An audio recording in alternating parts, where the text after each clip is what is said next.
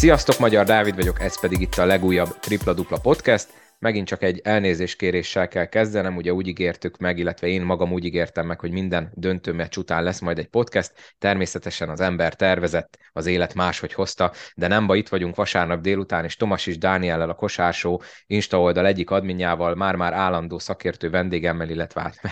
állandó vendégemmel fogjuk most megbeszélni a Falko és az Alba közötti döntő első két mérkőzését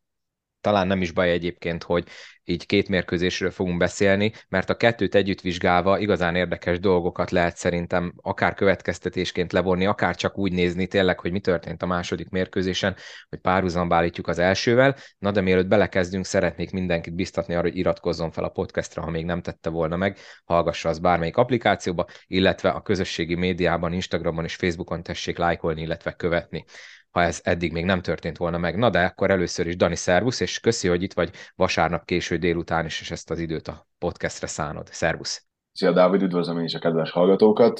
Van miről beszélni, hiszen kettő közel ugyanolyan mérkőzést kaptunk a, a döntő első két mérkőzésétől. Jó, akkor én szerintem ne is ragozzuk túl, hanem kezdjük el akkor az első mérkőzéssel, ami ugye szerdán volt, és a Falkó nyert 82-70-re. Ha csak ennyit hall valaki, vagy ennyit lát valaki, hogy 82-70, hát viszonylag magabiztos 12 pontos hazai győzelem, gondolhatná az egyszeri kosárszurkoló, vagy az egyszeri mezei szurkoló, aki megtalál, meglátja ezt az eredményt valahol. Na de ez nagyon nem volt sima. Tehát ez a 82-70, ez így jól néz ki, de az eleje az nagyon nem úgy állt, hogy a, a Falkó fogja megnyerni ezt a mérkőzést. Mondhatom-e azt, vagy mondhatjuk-e azt, hogy tulajdonképpen tökre ugyanaz volt a forgatókönyv, mint a kupa negyed döntőn, hiszen ott is az volt, mint itt, hogy elhúzott az elején az alba, és akkor szépen lassan visszajött a, a, a falkó, hogy a végén aztán relatíve egy magabiztos győzelmet arasson, mert hogy itt az első félidő az, az nagyon a, az albáé volt. Még hogyha az a félidei 12 pontot nézzük is, még az igazából a Falkóra nézve volt hízelgő, mert a, a végén tudott kicsit kozmetikázni a hazai csapat. Az első két negyed, az első 20 perc, az totális alba dominancia, nagyon sok buta eladott labda a Falkó részéről, tulajdonképpen megkönnyítették a vendégfehérváriak dolgát, mert tudjuk jól, hogy az albának az a stílusa, amikor rohanni kell, és hát mikor tudsz a legjobban rohanni, ha nem eladott labdákból, akkor az, az, az maximálisan a Fehérvár malmára hajtotta a vizet az első félidőben. Te hogy láttad az első 20 percet? Teljesen egyetértek, szerintem is. Nekem is ez a, az a kupa döntő, vagy a kupa negyed döntő megérzésem volt, tisztára ilyen flashbackem volt, a barátaimmal követtük a mérkőzést, nekik is azt mondtam, hogy igen, igen, 10-12 pont a különbség, de azért ne felejtsük, hogy a kupában is ugyanilyen méről mászott vissza a Falkó. Ott talán annyi volt a különbség, hogyha jól emlékszem, akkor azért a fél időre, tízen belőle értek a kupában. Hát az első 20 percet veszem, vagy azt veszem figyelembe, akkor nem volt számomra a kérdés az, hogy az Albának most hatalmas esélye van, és én úgy voltam vele, hogy ha nehéz is lesz, én úgy gondoltam, hogy azért be fogják húzni majd a második 20 perccel ezt a találkozót. Falkó rám cáfolt, meg szerintem sok mindenkire rácáfolt, azért ahogy én néztem, ott a különbség már közelített tényleg a 20 pont és a 18 pont fölé. Úgyhogy az első fél alapján az Alba jött, az Alba volt a jobb csapat, az Alba játszott jobban, az Albának voltak meg a lehetőségei, jól limitálták a Falkót, Falkonnak a dobása sem ültek, úgyhogy az első 20 perc alapján szerintem nem volt kérdés az, hogy az Alba az a csapat, amelyik jobban, vagy amelyik jobban felkészültnek tűnik erre a párharcra, így, a, így tényleg az első fél idő alapján. Én amit még felírtam magamnak az első 20 percről, az az, hogy Pongó Marcel nagyon jól kezdett, azt hiszem talán 11 pontot dobott néhány perc alatt, közte három triplával, és hogy félidőben kilenc eladott labdánál tartotta a hazai szombathelyi csapat. Nekem az sokkal többnek tűnt egyébként, tehát én, én ezt úgy írtam föl magamnak, hogy legalább ilyen 12-13-at gondoltam, és a statisztika csak 9-et hozott, tehát ez sokkal többnek tűnt, és ugye 18 pont volt a maximum, amivel vezetett a, az Alba, és mindezt úgy tették, hogy Dekózi és Somogyi nagyon nem játszott jól, tehát igazából két alapember nem is nagyon hozta magát, még csak az átlagos teljesítményt én azt írtam föl magamnak, hogy nagyon rosszul játszottak, és ez sajnos Somogyi Ádámnál kitartott, nem csak az egész első mérkőzésre, hanem a másodikra is, de erről majd nyilván beszélünk később. És akkor jött a második félidő, ami meg egy kicsit így le másolta a már emlegetett kupa negyed döntőt, hogy az Alba kezdte úgy a második félidőt, mint a Falko az első félidőt, eladott labdák, és négy és fél percig tartott, mire először kosarat szerzett a vendégcsapat, és itt is folytatódott Somogyi Ádámnak az az erőlködése, amit egyébként utána láthattunk a második meccsen is, hogy nem is tudom, még Nézienő is megjegyezte, hogy azért Keller Ákos mellett próbálta talán egymás után kétszer is feltenni az ittszert, nyilván egyik sem sikerült, és mindössze a tizedik kísérletét dobta csak be, mondjuk az egy ilyen nagyon bravúr tripla volt a támadóidő lejártakor, és igazából még a negyed végén ugye a Falk az Alba vezetett, de itt már látszott az, hogy én szerintem ott már látszott, hogy ez a Falkónak meg lesz, mert az Alba annyira vagy az öltözőben ragadt, vagy nem tudom, hogy mi történhetett, mert teljesen tükörképe volt az első félidőnek, ők adták el rengetegszer a labdát, és én nagyon ilyen hektikus kosárlabdát játszottak abban a negyedben. Igen, igen, azt azért emelj, emelj, emeljük ki, hogy az eladott labdák azért azok nagyon könnyen elszórt labdák voltak a Falkó részéről az első félidőben, az Alba részéről pedig a második félidőben. Szóval ezek ki nem kényszerített hibák voltak, sokszor nem találták meg az embert, kipaszolták az alappaszolták az ellenfél kezébe a labdát, úgyhogy amit ugye úgy mondtál, hogy a Somogyi Ádám most róla szeretnék én is egy kicsit beszélni, hogyha ha ő tud javulni, akkor ez a, ez a párharc az kicsit majd másképp fog azért kinézni, én azt gondolom, de az, hogy az ő veszőfutás két meccsen keresztül tart egy ilyen fontos szériában, egy ilyen fontos döntő párharcban, az nem sok jót vetít elő az albára, hogyha ő ezt a formát tartja, ami szerintem egyébként nem fog megtörténni, szóval szerintem ő fel fog javulni majd, de ki kell emelni azért a másik felidőben a Falko feljavuló védekezését, feljavuló támadó játékát, amik az első félidőben nem mentek bedobások, azok a második félidőben már azért rendre ültek. Perzoli ismét a hátára vette a csapatát, és igazi vezérként vezette őket a győzelembe, és ott olyan szinten fordult meg ez a a morális faktor annyira a Falkó kezébe került, ez a bizonyos momentum, ugye, amiről sokszor szó esik, hogy amint, amint igazából átlépték azt a határt, hogy átvették a vezetést, vagy döntetlenre hozták a találkozót, nem volt szerintem kérdés az, hogy végül majd a szombatai gárda húzza be az első mérkőzést.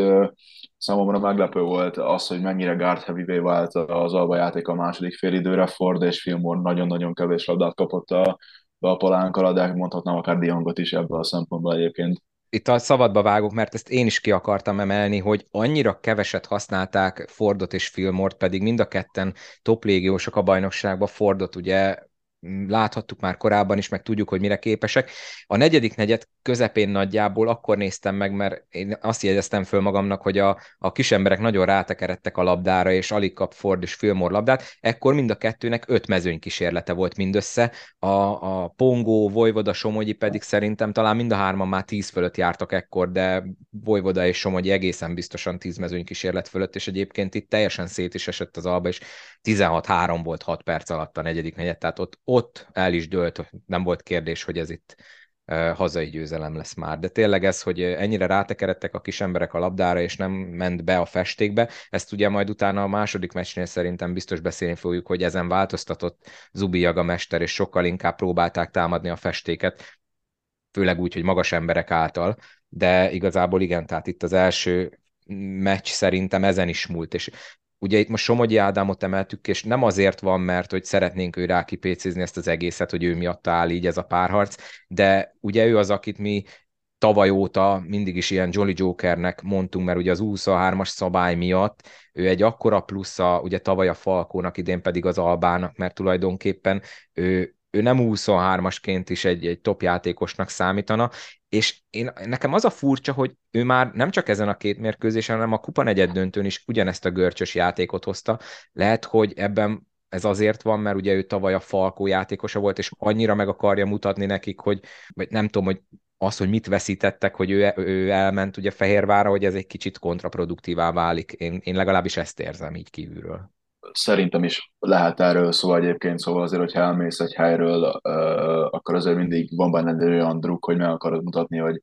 én igenis vagyok olyan játékos, mint amilyenek ti nem becsültetek meg mondjuk az adott esetben, vagy én sokkal többet tudok annál, mint amit ti kihoztatok belőlem. Szerintem ez benne van, ez látszott, hogy említetted, hogy a kupa meccsen is, meg most ezen az első két találkozón is.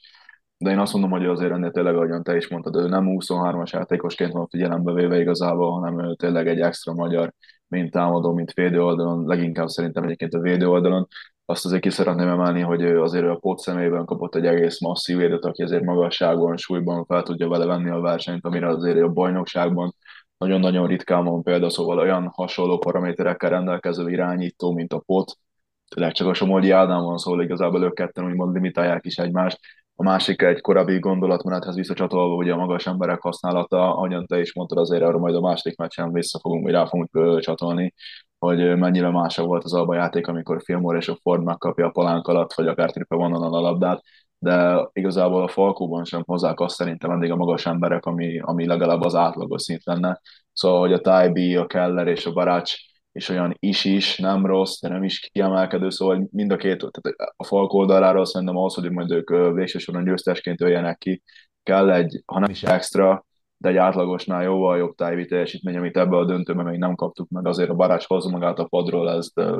ezt nem lehet tőle elvenni, illetve a Keller Ákosnak a védőoldalon vannak fantasztikus megoldásai, de szerintem ahhoz, hogy, hogy a Falkonak majd legyen itt esélye tényleg a végső soron, a végső elszámolásnál a bajnoki címhez, az kelleni fog egy feljavuló tájv, hiszen azért lássuk be, akár mekkora extra magyar szinten Per Zoltán, az nem lehet tőle sem elvárni, hogy egyedül húzza a hátán, úgymond a, úgymond a Falkot a bajnoki címig, a tavalyi döntőben is volt két rossz meccs, ott veszítettek is, szóval, hogyha neki egyszer egy gyengébb meccse lesz, mondjuk na, tényleg, ahogy Knézienő mondta a közvetítésben, őt nem tud megállítani, őt le kell lassítani. Az ő szempontjából a lassítás az ott van, hogyha 10 ponton tudod tartani, akkor azt mondhatod, hogy volt egy jó védő szempontból egy jó védő meccsed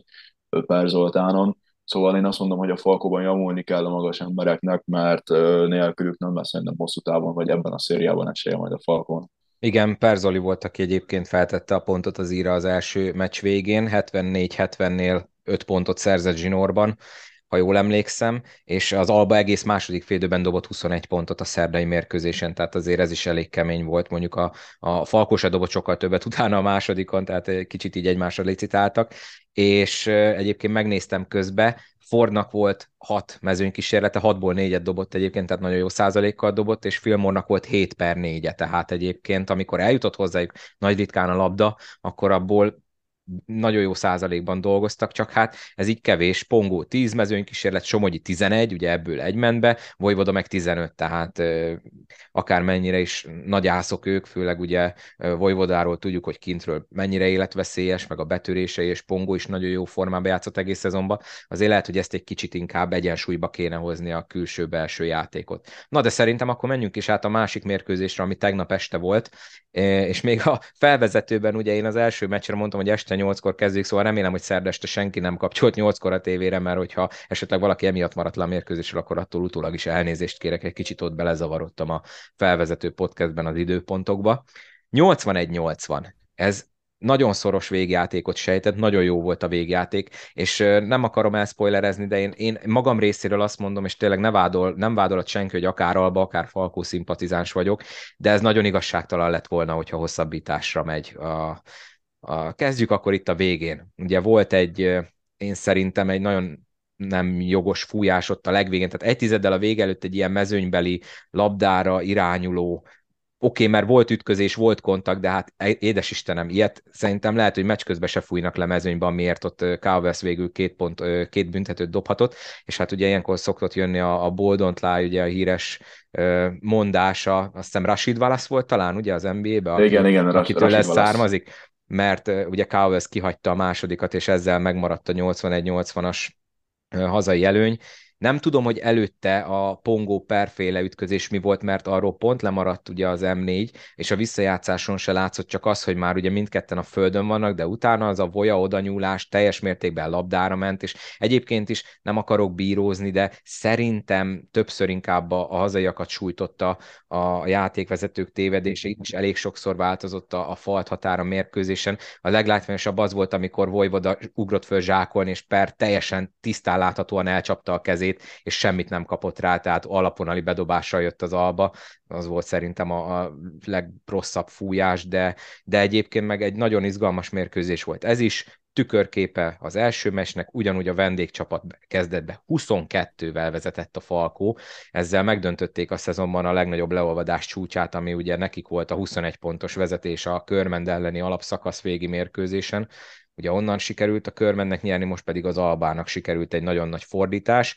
Itt az első félidőben te mit láttál? Mi volt annak a okozója, hogy a Falko ennyire magabiztosan vezetett? Igazából bedobtak mindent, ami a kezükbe esett, üresen, emberről, mindent, ami nekem nagyon nagy ö, szembetűnő különbség volt az el, a két első félidő között a Falkó szempontjából az, hogy amikor Kovács Benedeket megtalálta labda az első mérkőzésen szegénynek semmi nem ment be, pedig azért szerintem egy, egy átlagon felüli tripla dobott, főleg a sarokból. Második meccsen 12 ponttal fejezte be az találkozót. Nekem ami a legszembetűnőbb különbség az volt, hogy igazából a Falkóban adopta az első fél a helyzeteit, az Alba pedig nem. Az első meccsen ugye ez pont a tükörképe volt, akkor a Falkó hívazott az alba, dobott be mindent. Nekem az volt nem tűnő, hogy azért a védekezésben is nagyon rendben volt a Falkó az első félidőben, de a támadó oldalon hoztak olyan extrákat, a potnak volt két támadó időlejártás, triplája középről, azt hiszem egyszer a Pongó egyszer talán pontosan, hogy Ádám Orszába dobta a triplát. A Cowboysnak is összességében támadásban jó meccse volt.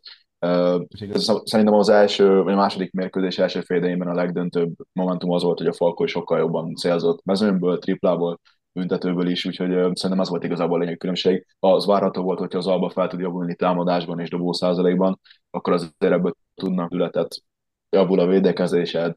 ott vagy a labdákon jobban tudsz összpontosítani, szóval ö, szerintem várható volt az, hogy nem lesz sima 20 pontos mérkőzés, hogyha az Alba be tud találni második fél ugye ez így is lett, úgyhogy tényleg még egyszer mondom, szerintem az volt a különbség a két csapat között az első fél hogy a Falkot bedobta, amit az Alba kihagyott.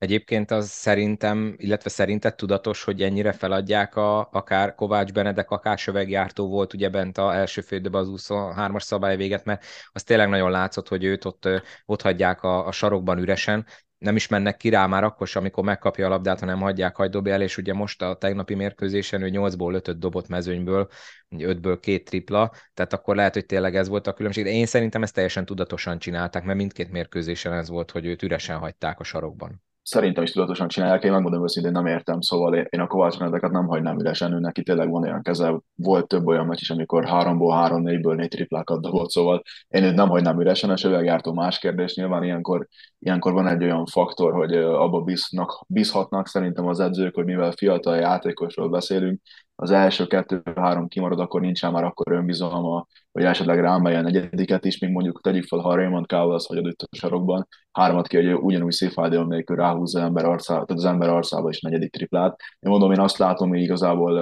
értelmes megoldásnak nekem mögött, hogy talán abban bízott az alba, hogy ha majd Kovács Benedek ugyanúgy hibázni fog, mint ahogyan hibázott szombathelyen, akkor majd talán elmegy az önbizalma, és ezzel majd tovább, nem tudom, be tudnak törmölni a palánkára, és ezzel elveszik az ittszereket, vagy a könnyű a falkótól. De most bedobta őket, és igazából ezzel meg is büntették az albát, és így alakult ki szerintem a 22 pontos különbség a felidőre. Ami még nagyon szembetűnő volt, hogy mindössze egyetlen egy gólpassz volt Alba oldalon az első félidőben, de hát ez látszott is a játékon. Na de valószínűleg a félidőben vért ittak, vagy nem tudom, hogy a spanyol mester mit mondott nekik, mivel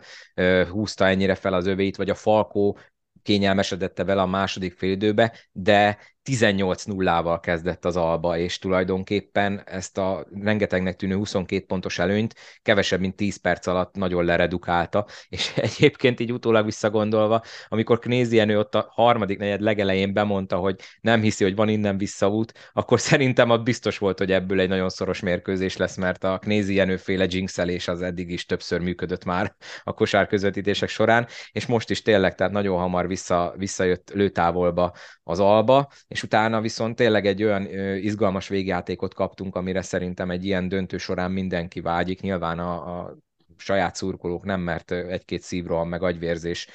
biztos jön ilyenkor, de tényleg a, a végjáték az viszont tényleg olyan körömrágós volt, ami erre számítani lehet, de ennek ez nem jöhetett volna létre anélkül,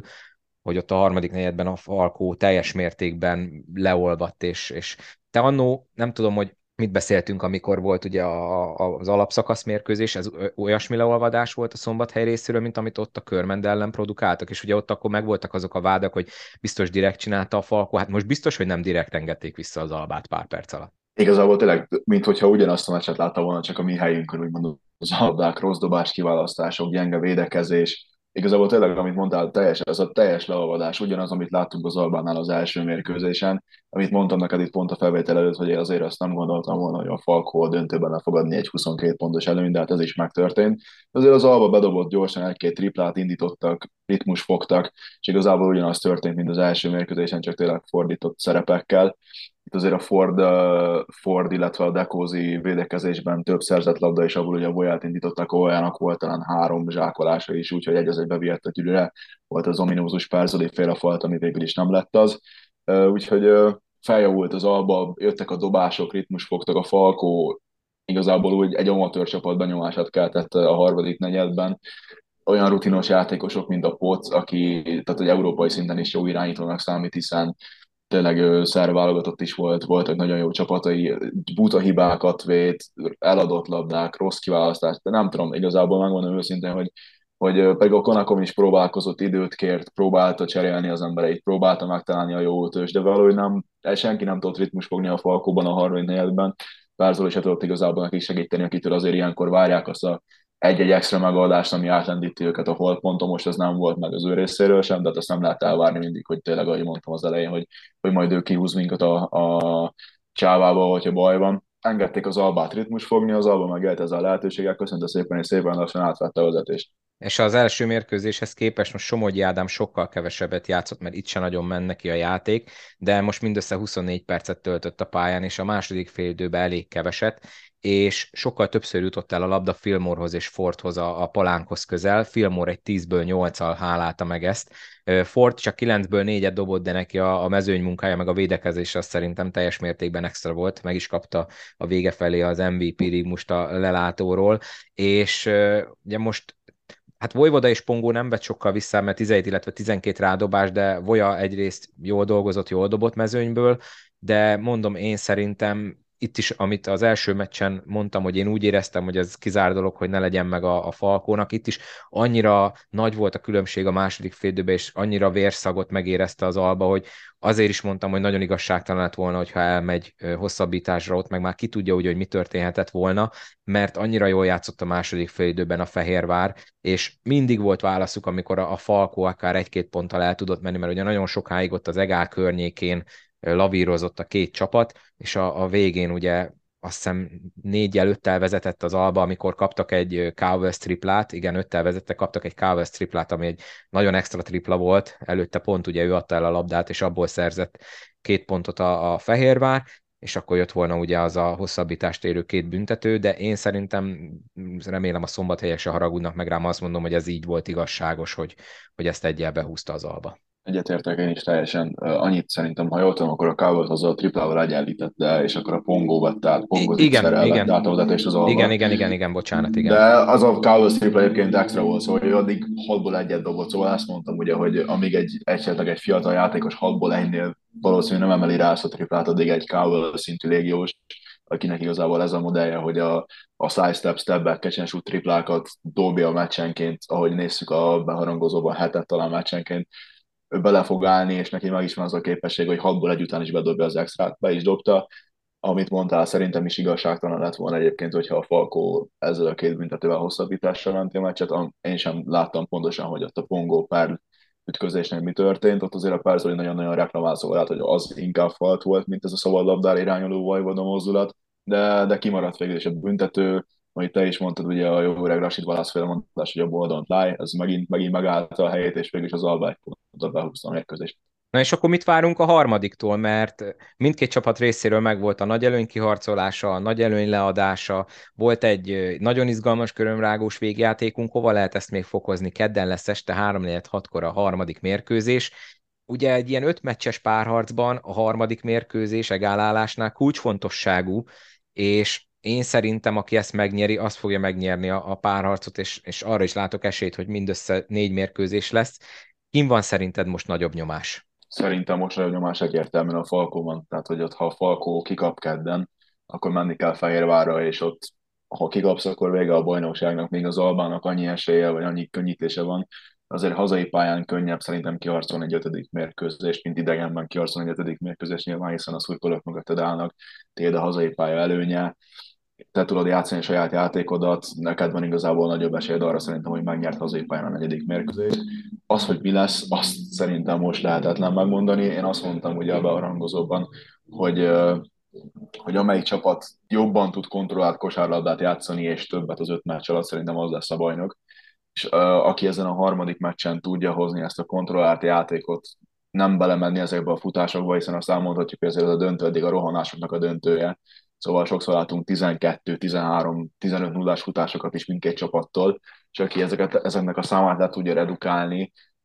közel a nullához tartani, és tényleg rá, ráerőltetni az ellenfélre a játékát nem csak 20 percen keresztül, hanem 40 percen keresztül, szerintem az a csapat, illetve a bajnokság győztese. Most valamiért úgy érzem, hogyha az, az album meg tudja találni azt, meg tudja találni újra a Filmort, illetve a Fordot a palánkhoz közel, illetve tudnak egy átlagosnál jobb dobóformát hozni, akkor szerintem az meccs most meg lesz a fehérváriaknak, és most nem a körben szurkoló szól belőlem, hanem szimplán ezt érzem. Nem látom azt magam előtt egyelőre, hogy, hogy a Falkó hogyan tudná a tájbit játékba hozni, mert azért a Ford egy nagyon-nagyon komoly védő van vele szembe, szóval amit azért a Quincy Ford nem elózik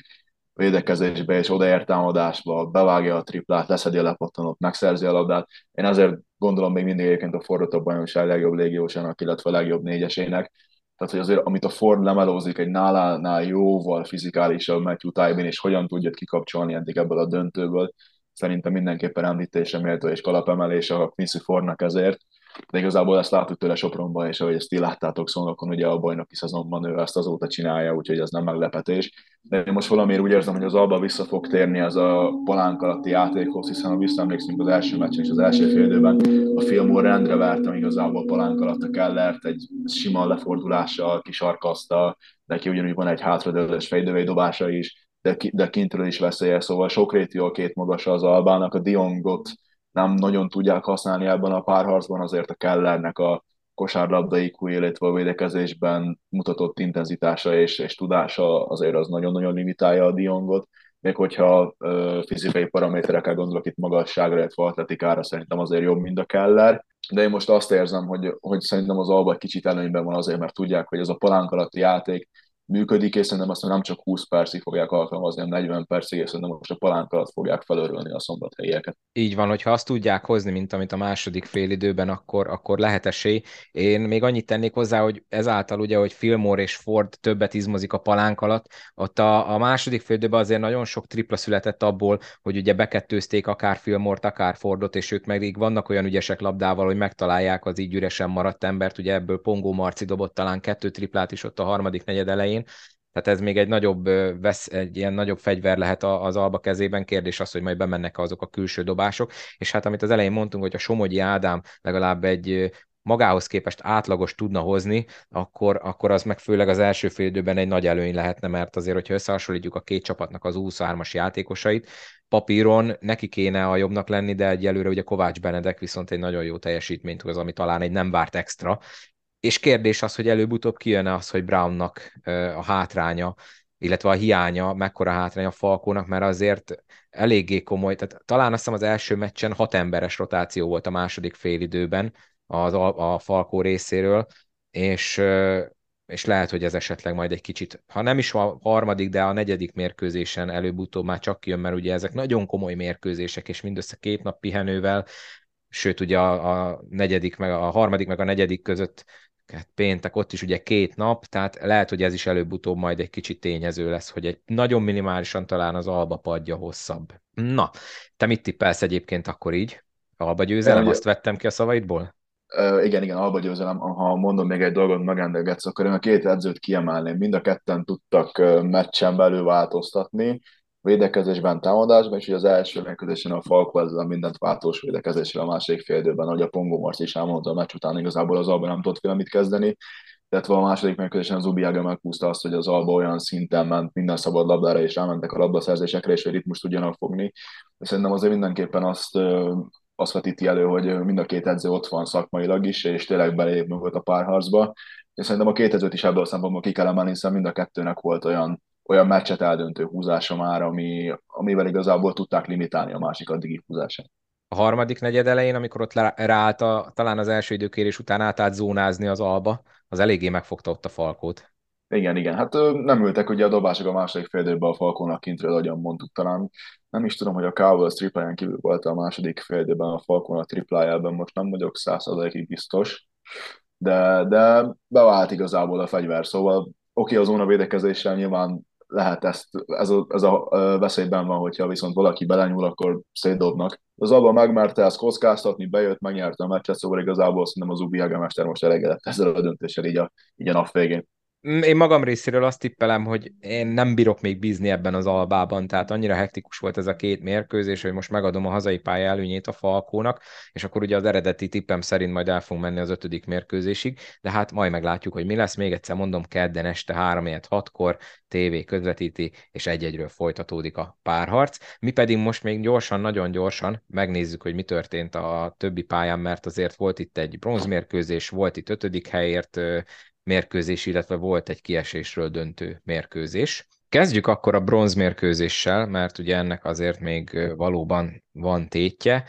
Egy iszonyatosan meggyőző körmendi győzelem, 104-56, Ezelőtt ugye volt egy Zalaegerszegi hazai győzelem, tehát itt is egy-egy az állás. Itt mit lehet elmondani erről a két mérkőzésről? Gondolom, te azért ezt is próbáltad nyomon követni. Én bevallom őszintén, hogy erre már nem jutott energiám, illetve időm, úgyhogy most teljes mértékben arra fogok hagyatkozni, amit te mesélsz, Dani. Igen, az első mérkőzésből az első fél időt sikerült megtekinteni, a második fél időben már a döntőt néztem, illetve ott az első fél időben is már be tudtam kapcsolódni. Második mérkőzésen ott voltam a helyszínen, most majd kedden is megyek Zalaegerszegre. Hát a szöges ellentéte volt az a két mérkőzés egymásnak. Ugye az első meccsen még nem volt Chambers, az első fél időben egyébként szerintem a körben tartotta magát egész jól az első mérkőzés első fél idejében. Ott az öte igazából a büntetőkkel tartotta magát, a 18 pontjuk, a 41-ből büntető vonalra érkezett, szóval azzal tartották magat igazából életben. Ugye azt, azt bocsi, itt, itt hagyd kérdezzek közben, mert azt olvastam, hogy nagyon ugye durva volt a büntető arány, nem csak az első fél időben, hanem a meccs végén is ez, ez így jogosnak érződött? Most főleg te, mint így körmendi érzelmű, mennyire volt jogos ez a fajta komoly büntető beli különbség? 22-4 volt a büntető arány a fejdőben. Az egy kicsit erős, de nem mondom azt, hogy nem volt jogos, szóval az so- sokkal jobban támadta a gyűrűt, mi inkább a triplákból próbáltunk az első félidőben operálni, ott hiszem 7 per 14 volt a körben tripla az első félidőben, szóval hogy a pontjaink fele a tripla vonal mögül érkezett az a nagy különbség igazából abból jött ki, hogy sokkal inkább támadta a gyűrűt, sokkal inkább kereste a magas embereit. A Trice nem dobott el mindent kintről, bement Godwin, illetve a Chucky leütközték, vagy a Durázi Christopher az Adams. Um, igazából nem mondhatom azt, hogy rossz fújás volt, szóval teljesen más uh, szisztéma alapján játszott a két csapat, és a két, azért az eltérő játékstílusok miatt volt az, hogy ekkora volt a, a különbség. Aztán a második félidőre így a Chambers nélkül mi azért már elfáradtunk, nem nagyon volt esélyünk a második félidőben, az jobban jött ki, ránk erőltette az akaratát, bejött igazából minden, amit húztak, betaláltak kintről is, a második félidőben őt dobtak 50% föl triplából, szóval megjöttek a hazai pályán rájuk jellemző triplák. Ugye az Óráli játszott, ugye mondtam azt, hogy ki kell emelni, szóval ugye visszatért a boka sérüléséből, ez látszott, hogy jót is tett ugye az Alegerszegnek. Voltak jó magyar teljesítmények az eténél, jól szálltak a magyarjaik is, összességében jobban játszottak, megérdemelten nyerték meg az első mérkőzést, és ugye ott a végén történt egy másfél perccel a negyed vége előtt, a negyedik negyed vége előtt ugye Mitchell Smithnek a bokája kifordult, hogy az információ egyébként nem hamisak, akkor ő, ha jól tudom, kedden már játszani fog Zalaegerszegen, szóval ez csak a körmendi mérkőzést hagyta ki. Itt azért szeretném egy kicsit elővenni a Krasovác edzőt, 16 pont volt a különbség, nem, nem igazán értem, hogy a ilyenkor a, a kezdőjátékosok miért vannak már fönn a pályán, ilyenkor szerintem meg lehet adni a fiataloknak, vagy inkább azoknak a játékosoknak a lehetőséget, akik esetleg az előtte lévő 30 perces akciórotációban nem kaptak annyi szerepet. Igen, de ő már nem először játszál, mert az alapszakasz végén is ugye volt már olyan mérkőzés, ami teljesen tét nélkül volt, és ott is fullba a kezdők játszottak, és azt hiszem ott is volt valami, nem, nem emlékszem biztosan, hogy trice vagy valakivel ott is, Osztoics volt talán, akivel történt olyan, hogy, hogy akár komolyabb sérülés is lehetett volna, és ez a boka, aki fordulás se nézett ki túl jól a, a podcast YouTube csatornáján, meg lehet egyébként nézni. Tehát, hogyha ezzel tud kedden játszani, akkor az, az, az egy kisebb fajta csoda én szerintem, mert az nagyon csúnyán nézett ki igen, az kétség kívül nem nézett ki jól, szóval tényleg, ha mondom, én úgy tudom, hogy ő, hogy ő játszani fog kedden, aztán lehet, hogy, lehet, hogy nincs így, mert ugye a Chambers érülésére is én azt mondtam, hogy azt hallottuk, hogy itt meniszkusz szakadás, meg hasonló, aztán ő is igazából játszott, pedig aztán szakadt De ezt, de ezt tudjuk régről, tudjuk régről, hogy Vas megyébe csodaorvosok vannak még annak hát. régen. A Kálmán Laci féle Falkónál nagyon sok hihetetlen gyors gyógyulás volt. Hát ugye például az a Gomeznek volt a kéztörés, aztán mégis játszott ugye döntőben meg ilyenek, szóval hát igen, Vas van egy ilyen kis varázs, ami, ami magával vonza ezt. A második meccs pedig uh, ugye a Chambers már nálunk játszott, a Smith nem játszott, hát ez egy henger, igazából mészárlás volt a pályán Itt az első. A mészárláshoz hagy fűzzek hozzá, ugye Déri Csaba szokta mindig a valindexeket kiemelni, 162-55. Igen, ez... nem is tudom, hogy láttam-e valaha ekkora durva különbséget. Több mint... Hát szerintem talán pont az idei olajkörmenden, az mikor Mindjárt meg is nézem addig, amíg ki. mesélsz arról a meccsről, hogy ott mi volt, mert ez most már engem is érdekel, hogy ott mekkora volt a különbség. Valószínűleg nem ott valami hasonló számjön ki, de így tényleg visszakanyarodva a mérkőzésre, hát úgy értünk ki, hogy ki kell jönni. Volt a Chambers, volt formaszabász, jól néz, jól kényző támadások, remek védekezés, Godwin korlátlanul volt a palánk alatt, blokkok, lepattanók, az Adamsnek nagyon-nagyon jó meccse volt. Igazából mindenki jól játszott a körmenben, mindenki egyszerre játszott jól, extrán dobtuk az első fél időben, talán 60-70 százalék körül dobtuk a mezői kísérleteket, azt hiszem. Ez jobb volt, mint amit a Szolnok ellen csináltatok a második mérkőzésen, az első, első körben? Sokkal, de szerintem ez kellett az is, hogy egyébként azért a szónok az első fél időben ott még egész jól tartotta magát az etének, itt az első perctől kezdve igazából esélyesen volt. Az Osztoics meg a Csuti 5 perc alatt három falta voltak, volt olyan felállásuk, ahol a Zsíros Peti játszott az ötös, a Keller Iván játszott a négyes, hát nem az első számú poszt Edivűnek sem nyilvánvaló. Szóval most a palánk alatt voltunk igazából előnyben, ami erre az idei körmendre nem sokszor volt igazából igaz, de, de tényleg ki kell emelnem az egész csapatot, mert a Kismatyi, Takács Kristóf, a két fiatalon mind a ketten 10 pont fölött dobtak, mindenki játszott, a Fepu dobta talán a legkevesebb pontot, hárommal összvisz két rádobása volt, de, de ő is beletette a melót, adta az árásokat, ha új volt, akkor gólpaszt ha új volt, védekezett, lepattanót szedett. Illetve mondom azt, hogy a Chambers visszatért, az nagyon-nagyon látszott, hogy tényleg volt egy olyan forma ennek a csapatnak, hogy uh, aki megmondta, hogy ha most én ezt akarom, akkor ezt csináljuk, ha azt akarom, akkor azt játszuk, amíg azért a Mitchell játszott az irányítót, addig, addig ez közel sem volt, meg azért nem egy klasszikus irányító, ő is teljesen felszabadultan játszott. Most ez nyilván ez egy sorskura fintora, hogy most adott a Csény, vagy a, a Wendell Mitchell is 10 passz ezen a mérkőzésen, de tényleg ez tipikus az, az, eset, az az eset volt, amikor nekünk összejött minden, az a Lager meg semmi. Ebből nyilván most sok következtetés nem lehet levonni, nyilván nagyon nagy a különbség, de ilyenkor mindegy, hogy egy ponttal nyersz, vagy most mi esetünkben 48-al, simán benne hogy kedden meg az a minket 25 ponttal, mert volt már erre is például az idei szezonban. Egyébként én most így összességében ezután a meccs után bizakodó vagyok, szóval én bízom abban, hogy kedden tudunk nyerni, és akkor majd pénteken lezárni itthon a párharcot de, de tényleg nem szeretnék előre a medve bőrére, oda kell menni, hasonló intenzitással kell kijönni, mint ahogyan kijöttünk a második meccsre. Nyilván a dobóforma az mindig, ahogy a Déri Csaba szokta mondani, hogy úgyis a napi forma fog dönteni, úgyhogy uh, itt lehet, lehet okoskodni, lehet mondani, hogy én mit várok, te mit vársz, mi mit várunk, mi lenne a papírforma, hogyan kéne ennek történni, hogyan kéne annak történni, de úgyis minden majd kedden a feldobás után fog eldőlni, de mondom, én bizakodó vagyok, és bízom abban, hogy az a csapat is majd egy éremmel tudja megörömt, ezzel ez a csapat is éremmel tud majd örömet okozni a szurkolóknak így a szezon végén. Megnéztem egyébként ez a olajkörmend alapszakasz meccs, a 160-65 volt, tehát ez annál is nagyobb különbséget hozott val számokban. Nézzük akkor, hogy a alsóházban mi a szituáció. Hát az OSE egy jelenleg 8-1 tehát valószínűleg megnyeri az alsóházi rájátszást vagy hát playoutot, vagy nevezzük, aminek akarjuk. Az atomerőmű ahhoz képest, hogy ők, ők 10-0-val szerették volna abszolválni, 5-4-jel állnak jelenleg, most nem akartam természetesen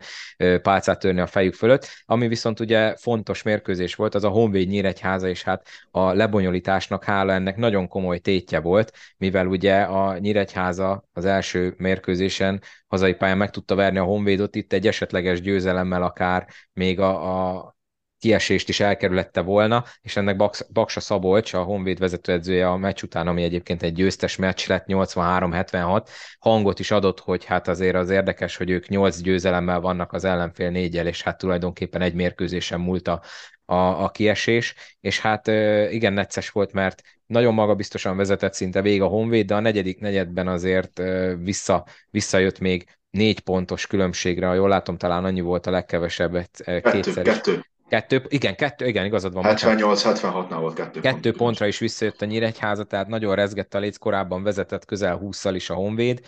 és, és tényleg, tehát hogyha az elején mondtam, hogy igazságtalan lett volna, hogyha az Alba nem nyeri meg a második meccset, itt tényleg, de ezt tulajdonképpen ugye az alapszakasz vége óta mondogatjuk, hogy mennyire igazságtalan lenne, hogyha az alapszakasz eredményei ellenére, és ugye nem egy-két meccs volt a különbség a Honvéd és a Nyíregyháza között a tabella végén, ha ezen múlt volna, és Ugye ez jövőre is így lesz, tehát jövőre ugyanilyen lesz a lebonyolítás, és tényleg most gondoljunk bele, hogyha mondjuk a Honvédban megsérült volna valaki a, a playout kezdetén, vagy, vagy bármi hasonlókból kifolyólag, és, és a komplet alapszakasz így megy a levesbe eredményileg, tehát ez tényleg elég gáz lett volna, de talán itt is mondhatjuk, hogy a labda végül nem hazudott, és az nyert, akinek nyernie kellett, és, és így ugye a Nyíregyháza eldőlt, hogy jövőre B csoportos lesz. Egyébként a B csoportban egy-egyre áll a, a Rádgéber Akadémia és a PVSK-nak is a párharca.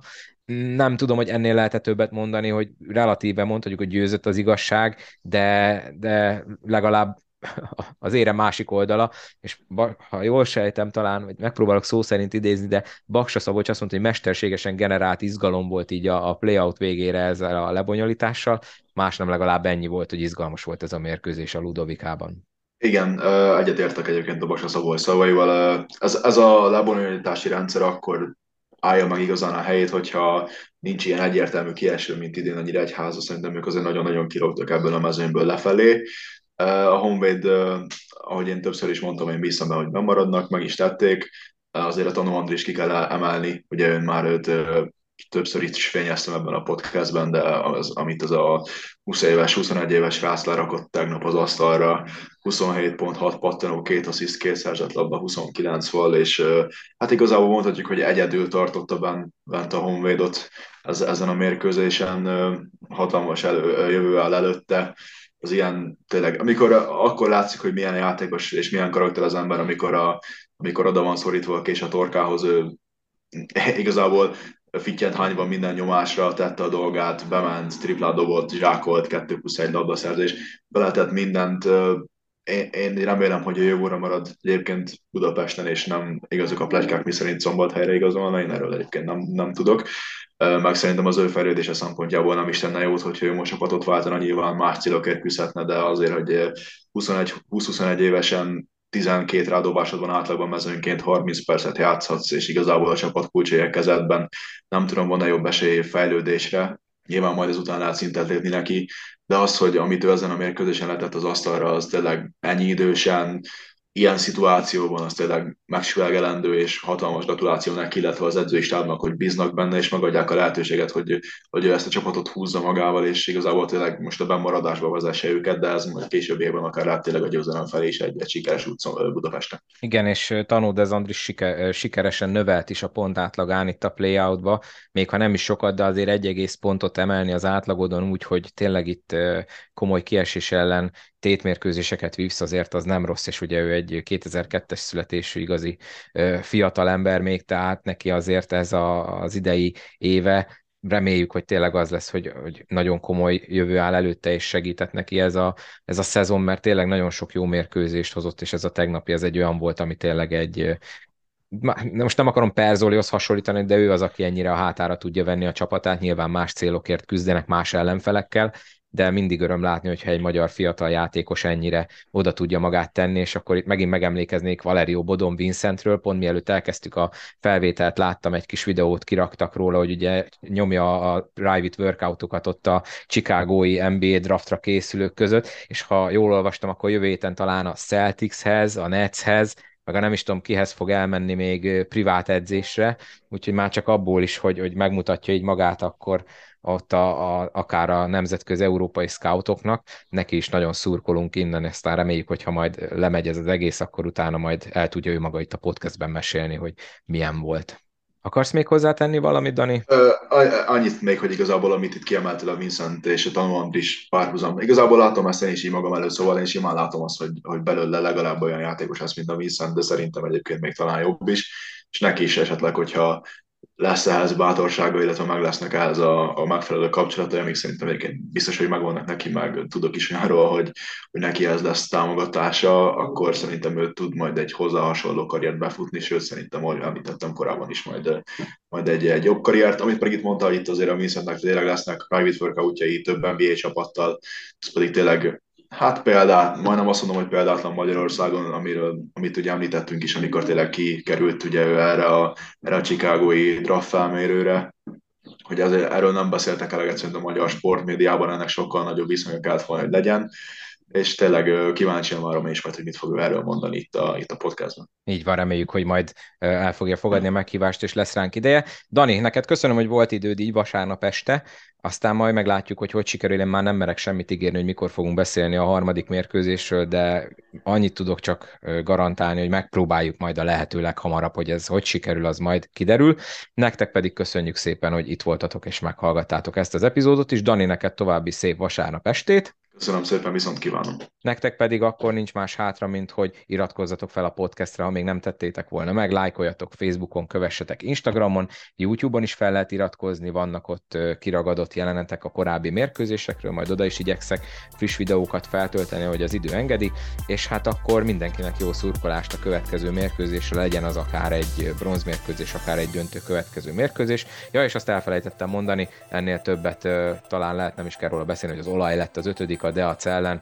a Kecskemét pedig még küzd a, a Sopronnak a maradvány csapatával, mert ugye onnan közben Flevaraki szedző is távozott, mondjuk úgy, majd ezekre visszatérünk legközelebb. Úgyhogy még egyszer köszönöm szépen, hogy itt voltatok, vigyázzatok magatokra, találkozunk legközelebb, sziasztok!